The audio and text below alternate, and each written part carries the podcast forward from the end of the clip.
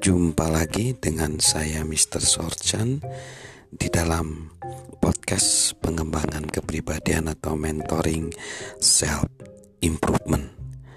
Nah, bagaimana agar kita bisa terus melakukan perubahan ya dan kita tetap hidup.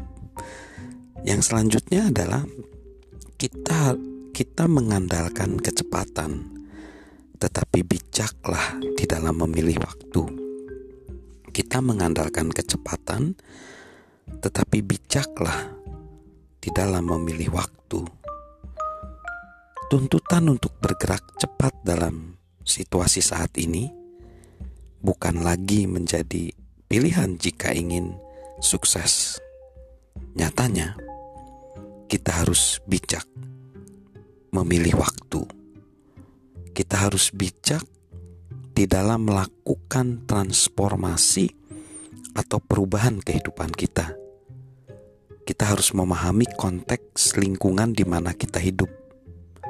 Apa yang terjadi di sekitar kita akan menentukan apakah kita harus bertahan sekuat tenaga atau justru bergerak maju.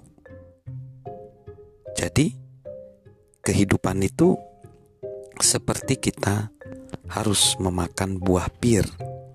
Konon, buah pir hanya punya satu hari terbaik untuk dimakan.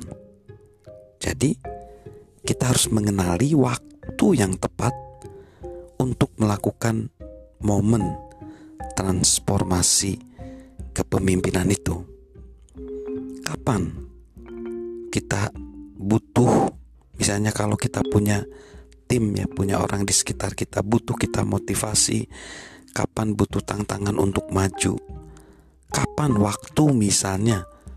Kalau kita sebagai seorang pengusaha entrepreneurship menambah produk baru atau menarik produk yang masa kejayaannya sudah usai kapan perusahaan kita harus menggelontorkan dana untuk memanfaatkan peluang dan kapan memutuskan hal itu adalah ide yang buruk. Jadi, pemilihan waktu memang sangat penting. Waktu yang tepat memungkinkan kita memanfaatkan momen dan meraih kemenangan bersama. Pemilihan waktu yang tepat semakin penting di dalam melakukan transformasi atau perubahan. Mengutip ucapan ahli keuangan James Golmit, ketika kita hidup mengikuti tren, itu mungkin sudah terlambat untuk kita hidup. Jadi, andalkan kecepatan, tetapi tetap bijak memilih waktu.